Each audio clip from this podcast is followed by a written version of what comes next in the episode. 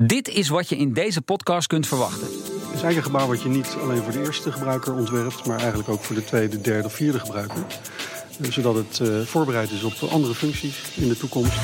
Uh, en dat het zelfs in de meest extreme mate nog uit elkaar te halen is en helemaal te verplaatsen is en ergens anders weer op te bouwen is. Ik denk dat heel veel bedrijfstakken in de bouw, bedrijven ook beseffen dat als, je, als ze niet veranderen, dan ben je over 10 of 20 jaar ben je weg. Er zijn er 40 tot 100 manieren om iets te beschrijven of iets te bemeten. Ga niet wachten totdat dat ene er is en je kan zeggen: Ik ben beter dan mijn buurman, want ik score een 9 en jij scoort een 7. Uh, ga het doen. En vanuit daar kan je ook een 9 scoren op de, de meetlat die je zelf neerlegt. Welkom. We bespreken in deze podcastreeks de circulaire economie. Met nu, wat hebben we nodig om bouwmaterialen zo hoogwaardig mogelijk te hergebruiken? Mijn naam is John van Schagen en in deze serie podcast ga ik voor het Normalisatie Instituut op onderzoek in de wereld van grondstoffen en hergebruik. Dat doen we aan de hand van concrete cases en mensen die er echt verstand van hebben. En er begint hier meteen al even iemand te blozen. Dat is Noor Huytema van Copper 8 Adviesbureau. En aan mijn andere zijde heb ik Harold Pauwels, afkomstig van NEN. Heren, dame, van harte welkom. Uh, Noor, om even met jou te beginnen. Um, een bijdrage aan duurzame doorbraken in de maakindustrie door grensoverschrijdende samenwerking. Dat is een hele mooie tekst. Ik verzin hem niet te plekken, maar het staat op jullie website. Voor wie doen jullie dat zoal? Uh, voor veel semi-overheden. Uh, overheden die natuurlijk uh, enorm circulaire ambities hebben. Maar ook commerciële partijen die voor zichzelf inzien dat er een nieuwe wereld gecreëerd kan worden. En dat het voor hen een nieuwe businesskans oplevert. Dus nakijken en nadenken over welke producten kan je dan maken en hoe organiseer je dat. Ja, want waar zit dan precies jullie toegevoegde waarde? Uh, vooral het in de keten uh, doorleven welke schakels zitten er allemaal in. En hoe laat je die mensen op een andere manier samenwerken tot echt nieuwe oplossingen. Nou, en is er dan één specifiek uh, gaaf project waar je dan altijd graag op verjaardagen over praat? Nou, Liander Duiven is wel een van de voorbeelden waarvan we zeggen: wauw, dat ja? dat uh, gelukt Want, is, is wel wat, heel gaaf. Dat, dat is een bijzonder gebouw, hè? Ja, er zit uh, zowel op energievlak. Uh, het is natuurlijk een netwerkbedrijf. het is energiepositief, dus het levert meer energie op dan dat ze zelf gebruiken. Maar daarnaast hebben ze heel goed gekeken naar welke materialen komen er allemaal vrij. En kunnen wij weer in het nieuwe gebouw inzetten? en daar ben ik heel trots op dat dat in zo'n vroeg stadium, een aantal jaar geleden al, dat dat gelukt is en dat er zo over nagedacht is. Nou, over het hergebruik bij materialen in de bouw, daar gaan we vandaag uitgebreid over praten. Maar dat gaan we doen aan de hand van een concreet verhaal. Ik bracht namelijk onlangs een bezoek aan projectontwikkelaar CPZ Projects. En daar sprak ik met Menno Rubens. Ik vroeg hem wat nu eigenlijk een circulair gebouw is. Een circulair gebouw um, is eigenlijk een gebouw wat je niet alleen voor de eerste gebruiker ontwerpt, maar eigenlijk ook voor de tweede, derde vierde gebruiker zodat het uh, voorbereid is op andere functies in de toekomst. Um, en dat het zelfs in meest extreme mate nog uh, uit elkaar te halen is en helemaal te verplaatsen is en ergens anders weer op te bouwen is. Nou, een mooi voorbeeld daarvan is de rechtbank, de tijdelijke rechtbank in Amsterdam. vertel even, wat is er eigenlijk zo bijzonder aan dat pand? Het bijzondere aan het pand is dat het um, daar neergezet wordt voor zes jaar. En dat moet uh, de hele unieke functie die de rechtbank heeft... met zijn zittingszalen, met zijn uh, cellen die erin zitten... met zijn rechtercommissarisgebied, moet het faciliteren voor zes jaar lang. Uh, met alle veiligheidsmaatregelen die erbij zitten. Het is echt een heel hoog kwaliteit gebouw. En het gebouw gaan we vervolgens na zes jaar... moeten we het daar weghalen en ergens anders opbouwen. En dan is de kans dat het weer een rechtbank wordt natuurlijk heel klein. Dus we hebben het zo ontworpen dat het in een tweede leven of een derde leven... ook een school kan worden, woningen kan worden kantoor kan worden, laboratorium kan worden. En dat maakt het gebouw echt circulair. En uh, als we aan circulair denken, uh, dan betekent dat meestal het voorkomen van afval, hè, uh, maximaliseren van de restwaarde, uh, horen we dan. hoe hebben jullie dat in dit specifieke gebouw toegepast? We hebben het gebouw, de waarde van het gebouw maximaal gemaakt door de herbruikbaarheid van het gebouw te maximaliseren. Dat betekent dus dat er altijd, ondanks het feit dat er misschien een andere functie in komt, het gebouw wel de waarde houdt omdat het een andere functie kan opnemen. Dat kan op dezelfde plek. Die kans is heel klein omdat het gebouw er echt weg moet.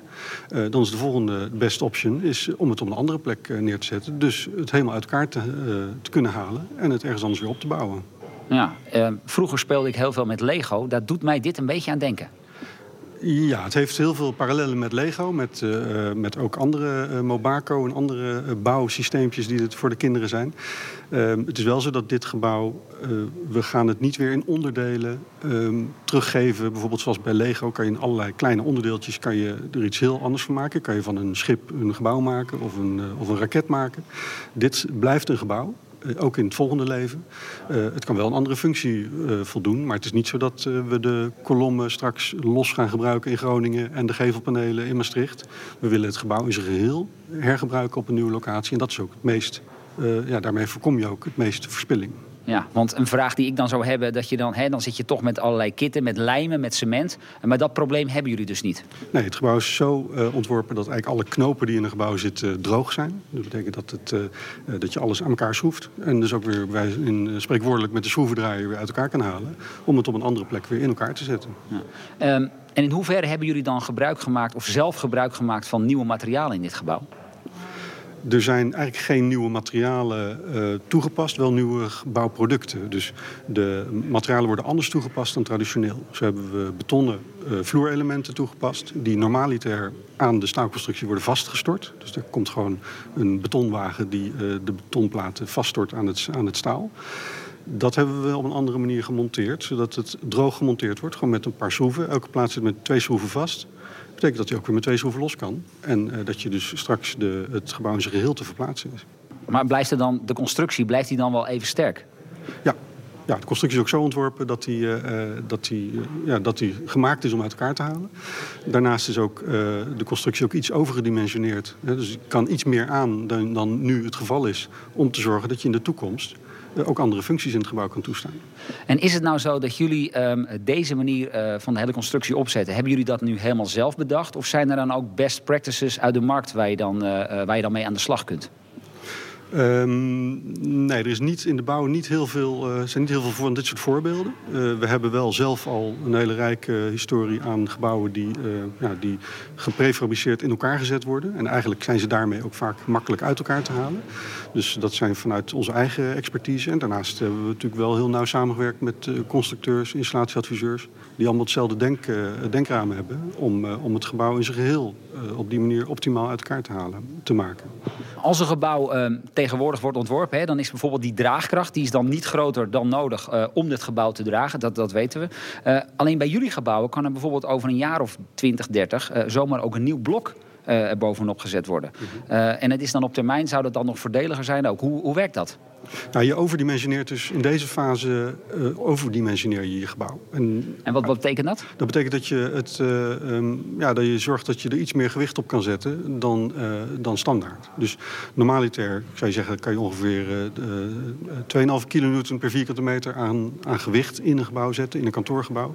En hier hebben we dat verhoogd tot 4, 4,5 kilonewton. Dat betekent dus dat je in de toekomst ook andere functies in het gebouw kan toestaan. Dus als iemand een paar archiefkasten heeft in, de volgende, in het volgende in het volgende leven, dan hoeft hij niet de constructie te veranderen. Dan kan het gewoon in dit gebouw. Ik kan me wel voorstellen dat deze manier van bouwen wel een bepaalde mate van standaardisering vereist. Um, ja, maar wel standaardisering. Uh, in principe, uh, wat we hier gedaan hebben, is op het gebouwniveau gestandaardiseerd. Dus dat het gebouw zelf in een andere configuratie in elkaar gezet kan worden op een andere plek. Uh, maar het is niet zozeer een standaardisering dat we de hele bouw, dat we alle gebouwen met dezelfde details willen gaan maken. Want dan, ja, daar is de bouw gewoon nog helemaal niet aan toe.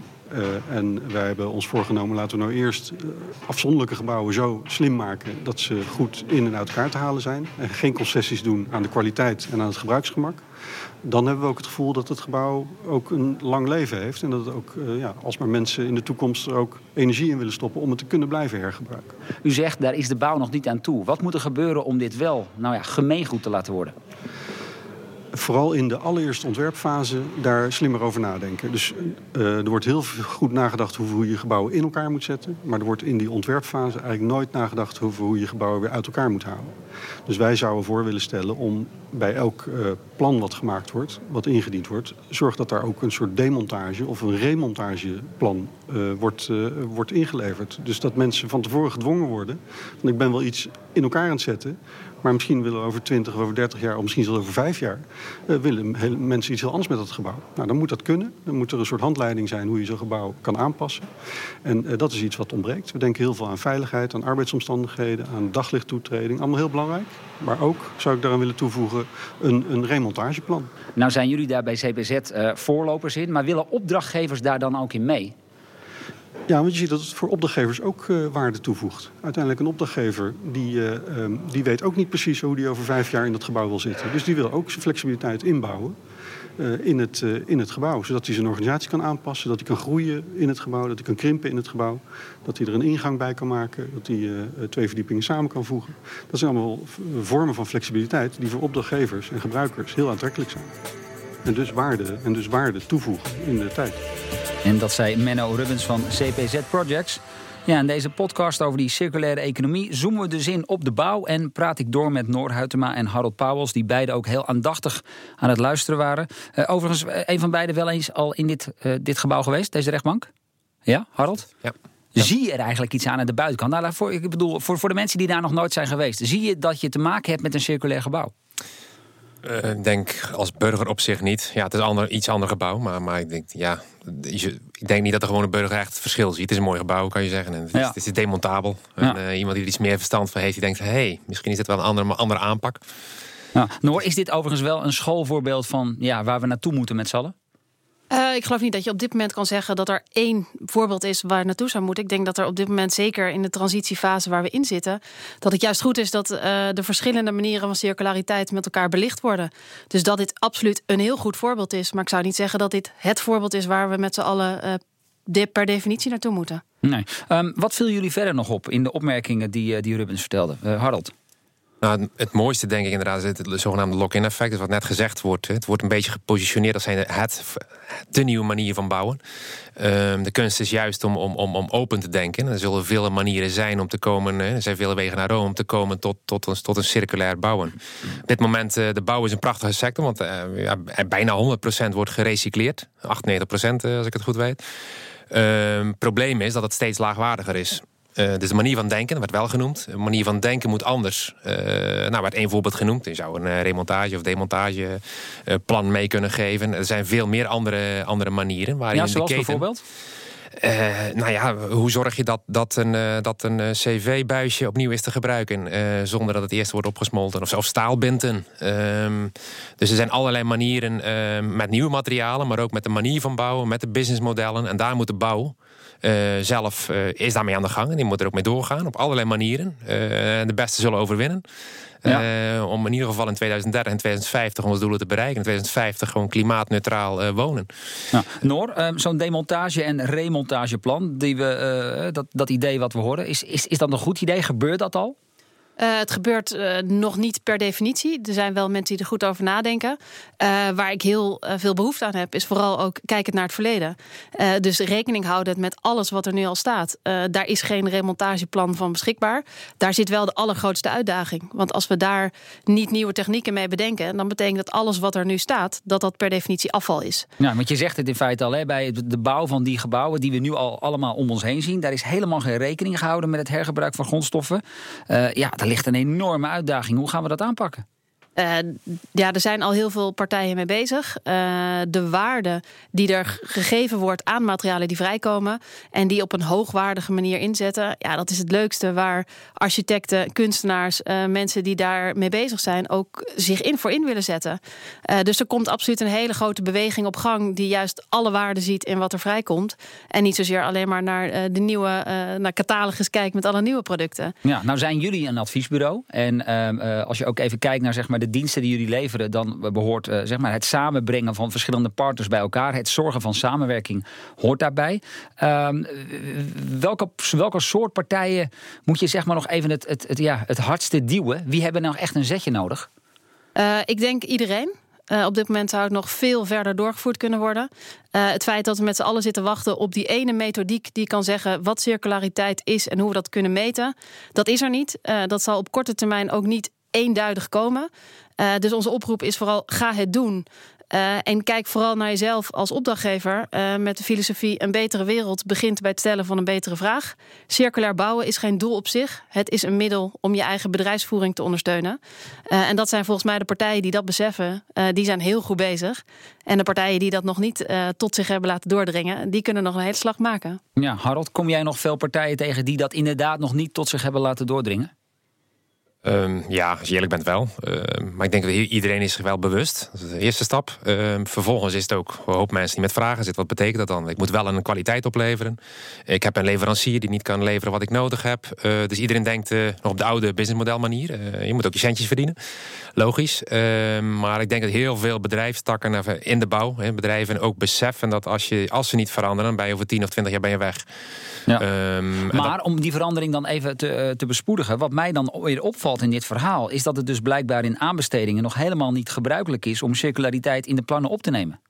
Nee, want het is, uh, nou het begint, zou ik zo zeggen. Want dat is natuurlijk zijn we wel met duurzaam inkopen, uh, circulair inkopen. Ja, maar jongens, 2050, ik bedoel, het klinkt nog ver weg, maar het komt steeds dichterbij. We moeten toch aan de slag. Daar, zou je toch, daar, zou, daar zouden toch regels voor moeten komen? Ja, sterker nog, daar zijn wij dus mee bezig. We zijn nu met een aantal, uh, aantal, aantal grote ja, events bezig om te zorgen van, jongens, wat hebben we nou nodig? Wat is nou eigenlijk circulair inkopen? Ehm, Zeker als je ziet de bouwgolf die er nu aankomt. Hè. We gaan miljoenen huizen bouwen de komende tijd. De economie trekt aan. Eigenlijk zou je nu alles al in ieder geval toekomstbestendig willen, uh, willen bouwen.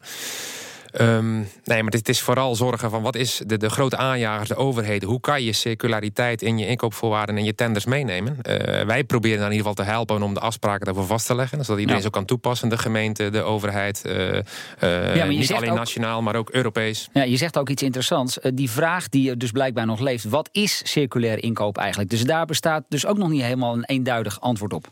Nee, dat is op, in zo'n fase zoals we nu zitten, en zie je dat vaker. De een is een circulair inkoop, een ander materialenpaspoort. Er zijn, er zijn verschillende initiatieven in Europa, de wereldwijd. Als je heel breed kijkt, zijn er misschien 40, misschien 100 verschillende soorten materiaalpaspoorten of systematieken. Ja. ja dat gaat niet werken als je met nee. elkaar wil uitwisselen. Dus, dus onze taak is dan weer om te zorgen, dan gaan we weer harmoniseren van de, van de verschillende initiatieven. Ja. Uh, dus wij volgen vooral de markt. En, en we kijken wat is er nodig op, op een bepaald moment. Dan gaan wij rond tafel. Ja, Noor, dat klinkt als um, wat ik dan zou stellen, uh, gewoon een paar extra regeltjes. Dat dat misschien juist niet de weg is die we op moeten. Nou, ik geloof dat uh, wat er net werd gezegd, het gebeurt nog niet. Ik zie dat dat op heel veel plekken al wel gebeurt. Dat er hele goede voorbeelden zijn en dat men daar ook voor open staat om aan te geven: joh, we proberen het in ieder geval en we delen ook de lessen die niet goed zijn gegaan. Want dat is in deze fase volgens mij ook het belangrijkste wat je kan doen. Um, en daar zit, wat ik al eerder zei, er zit een, een, verdere waarom ook. Niet het wat vragen. Hoe kan je het meten en wat wil je hebben? Die methodiek, nou, het werd net al gezegd door Harold. Er zijn er 40 tot 100 manieren om iets te beschrijven of iets te bemeten. Ga niet wachten totdat dat ene er is en je kan zeggen: Ik ben beter dan mijn buurman, want ik score een 9 en jij scoort een 7. Uh, ga het doen. En vanuit daar kan je ook een 9 scoren op de, me de meetlat die je zelf neerlegt. Ja. Uh, en dat gebeurt ook echt een aantal heel mooie voorbeelden in Nederland. Nou, je noemde dat uh, in ieder geval als mooi voorbeeld ook uh, Alliander. Hè? Daar hebben ze een, een, prachtig nieuw gebouw neergezet. Het is een heel bijzonder gebouw. Vertel eens even, want als leek kom ik daar... dan zie ik niet meteen dat ik met zo'n bijzonder gebouw te maken he heb. Maar dat is het wel. Ja, er is absoluut in alle mogelijke vormen is er nagedacht over hoe kunnen we het materiaal dat vrijkomt weer inzetten in het gebouw zelf. Ja, even voor de goede orde, het is het hoofdkantoor in, in Duiven. Ja, het is, uh, uh, ja absoluut. Uh, hun hoofdkantoor staat in Arnhem. het is eigenlijk een nevenvestiging waar heel veel mensen moesten komen te werken die daar voorheen nog niet werkten. En ze hebben zelfs, nou het meest platte voorbeeld, de wc-potten zijn teruggeplaatst. dat kan ook gewoon. maar ook hebben ze het hout van de verbrandingsoven verderop hebben ze voor de oven echt werkelijk waar weggehaald. om te laten voelen en te laten zien van jongens, het ligt allemaal voor het oprapen. de uitdaging zit hem in hoe ga je dit daarmee ontwerpen. En vooral ook hoe krijg je alle veiligheidsvoorschriften daarin mee? Want dat is echt nog een hele spannende geweest. Ja, je zegt veiligheidsvoorschriften, kom je automatisch ook op kwaliteit natuurlijk. Harold, kijk ik weer even naar jou. Uh, merken jullie ook dat uh, nou, bouwers en opdrachtgevers ook daar nog een beetje mee aan het worstelen zijn? Nou, het, eigenlijk is het mooi gezegd, de waarom-vraag. Nou, worstel in de zin van, oké, je, je, je, gaat, je gaat iets bouwen en dat is niet voor één dag. Uh, ook al is het modulair, maar je zet een gebouw neer. Uh, en met de overheden, met partijen, met gemeentes, uh, met andere opdrachtgevers... moet je wel weten dat je balkon blijft hangen. dat, je, dat je dak waterdicht is. dat je nou ja, in ieder geval alle veiligheidseisen die we in Nederland zo mooi zegt... in het bouwbesluit hebben staan. Maar ook de materialen die je gebruikt. dat, die, dat, die, dat, dat er geen giftige stoffen in zitten. Dat het niet gaat, dat soort zaken. Dat is waar we het over hebben. Dat moet je in die nieuwe ik zou bijna zeggen, economie, waar er niet één oplossing voor is, zul je dat vast moeten leggen. En wij zullen dus als, NEN, en, uh, zowel nationaal als internationaal, heel veel normen moeten gaan aanpassen die we nu gebruiken. Want die normen die we nu voor de bouw hebben gemaakt, die zijn, uh, ja, die zijn voor een, een bouw van een tijd geleden, of uh, waar we nu staan. Dus we moeten vooral voor de nieuwe gebouwen, moeten we ook nieuwe afspraken hebben om een aantal zaken te waarborgen, zonder dat we drempels opwerpen. Ja, tegelijkertijd zegt Menno Rubbens, goh, de bouw is eigenlijk nog helemaal niet toe aan zo'n grootschalige standaardisering als het gaat om circulair bouwen. Laten we nou eerst eens wat dingen gaan proberen. Ik denk dat NN is. We hebben hier net in de studio ook over gehad. Uh, je moet niet op elkaar wachten. Uh, dus je moet vooral ook afspraken maken waar je ze kan maken. Je moet geen afspraken gaan maken als je nog geen antwoord hebt op de vraag... Uh, wat heb ik nodig en waarom en hoe en wat. Dus je, je kan ook te vroeg beginnen met veiligheidseisen stellen... als je niet weet wat, wat een nieuwe methodiek wordt. Dus ik denk dat is altijd de angst aan de ene kant... maar ook de kans aan de andere kant. Dus we moeten afspraken maken op het juiste moment. En afspraken maken die niet zorgen voor onnodige drempels... zodat nieuwe innovatie niet mogelijk is. Afspraken maken maken tegelijkertijd, en dan kijk ik even naar Noor, uh, samenwerken. Yes. En dat denk ik daar waar ook een hele mooie kans en uitdaging ligt. De partijen die normaal gesproken aan het einde van het proces komen toetsen of iets wel of niet voldoet, zwart-wit, uh, die juist helemaal vroeg in het proces betrekken. Uh, jullie hebben denkkracht, jullie snappen waar het over gaat. Hoe kunnen wij zo meegaan met deze ontwikkelingen dat we aan het einde een vinkje krijgen in plaats van dat we moeten weten of we een toets behalen? Dus zet vooral die kennis en kunde van die toetsende organisaties aan het begin van het proces in samenwerking, in co-creatie in, om ja, iets te maken ook voor de nieuwe wereld, wat voldoet aan de eisen die je dan gaat stellen. Ja, en toch is dat een, um, een andere manier van denken. Uh, jullie zijn al zover, hè? jullie willen een van die koplopers zijn. Merken jullie dat er ook in de markt ja, voldoende belangstelling is? Of moeten jullie echt al die mensen met de haren zeg maar, uh, aan, aantrekken en dan aan die tafel krijgen en jongens, gaat samen met elkaar afspreken? Um, de, wij zien een hele grote kans in aanbesteding en uitvragen. Op het moment dat je die zo inricht dat het in, ingaat op waarom doe je dingen, krijg je hele mooie partijen aan tafel. Die je absoluut niet met de haren moet trekken, maar die er een kans in zien. En daarbij zie je ook dat een heel groot deel van de partijen uh, de boot mist, omdat ze het nog niet begrijpen. Uh, en die de dingen die ze nu doen ook heel goed doen. Uh, dus die noodzaak ook misschien minder zien om te gaan veranderen. dus je hebt een aantal koplopers die doen het goed, die vinden het onwijs leuk. En mensen gaan daarin mee. En ik verwacht dat er op een gegeven moment een, om, een omslagpunt komt... dat er veel meer andere partijen daar achteraan gaan en mee meegaan. Harold, kijk ik nog even naar jou. Er zijn dus blijkbaar toch nog steeds bouwbedrijven die, ja, die denken: Goh, dus een rijdende trein en daar stap ik uh, later wel een keertje op. Um, ik hoor jou ook al af en toe even zeggen van. Dat zou zomaar nog wel eens kunnen betekenen dat je misschien over een jaar of 10, 20 helemaal niet meer bestaat. Als je niet tijdig instapt. Ja, ik denk dat het niet alleen voor de bouw, het is in alle sectoren. Uh, ik denk, we moeten niet onderschatten, we zeiden het al, er zijn heel veel enthousiaste partijen, maar partijen zoals de Alliander, zoals overheden, zoals grote bedrijven, die, die durven, die moeten het voorbeeld uh, geven, die moeten durven die, die opdrachten te geven. Dat zien we nu ook gebeuren in verschillende grote steden. Uh, en daar zal voor ons, dat wij zijn een instrumentmaker, wij maken dan, helpen die norm maken. En vervolgens komen daar vragen uit naar, naar voren van, hey, hier moeten we iets aan gaan passen, hier hebben we een soort nieuwe internationale of nationale afspraak nodig. Maar vooral die voorbeeldfunctie, waar we middenin zitten, gebeuren heel veel mooie dingen. Zeker Nederland uh, doet prachtige dingen. Daar heb je een paar stevige partijen voor nodig. En uh, je zult ook freeriders houden. Dus inderdaad partijen die hopen van nou, ik spring wel ergens op de wagen. Zonder een heleboel gaan afvallen. Dat is een ding wat zeker is. Ja. Noor, hebben jullie uh, wat dat betreft, nou ik zou bijna willen zeggen, moeite om aan opdrachten te komen? Of gaat dit steeds meer zeg maar, tussen de hoofden zitten van zowel opdrachtgevers als opdrachtnemers? Om ook maar die kennis in te schakelen als het gaat om circulair bouwen? Um, het komt absoluut meer. Um, ik wil nog niet zeggen dat we uh, plat gebeld worden. Um, maar er komen absoluut mooie vragen op ons af. En ik denk dat je door mooie voorbeelden zal dat veel sneller gaan. Waarbij heel duidelijk ook naar voren moet komen wat het businessmodel erachter is. En dat je ook uh, moet durven vertrouwen op de kennis en kunde van marktpartijen. Want die zijn zo enorm slim. Die zijn al zover. Uh, durf die vraag te stellen en durf niet de oplossing te geven.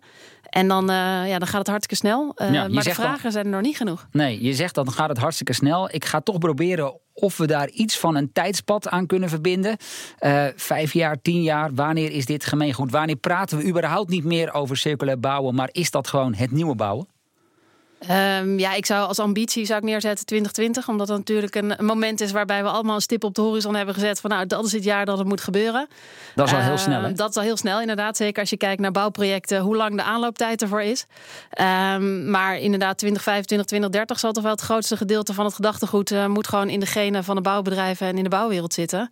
En als dat niet zo zit, uh, dan hebben we een hele grote uitdaging. Met alles wat op ons afkomt. Ja, en Harold, tot slot, die knikt aandachtig. Ja, ik kan er alleen maar mee eens zijn. En uh, sterker nog, dan hebben we geen uitdaging meer, maar hebben we een groot probleem. Uh, dus we moeten, uh, we moeten stappen zetten. We zetten stappen. vooral rond tafel gaan. Ik denk wij als instrument, maar ook overheden, wij, wij kunnen faciliterend zijn. Maar de verandering moet echt in de industrie komen. dus de, de producenten, de ontwerpers, die moeten anders denken. Die moeten anders opgeleid worden. die moeten zorgen dat we, de, nou ja, dat we de prachtige gebouwen van de toekomst hebben... waar we circulair en klimaatneutraal in gaan wonen.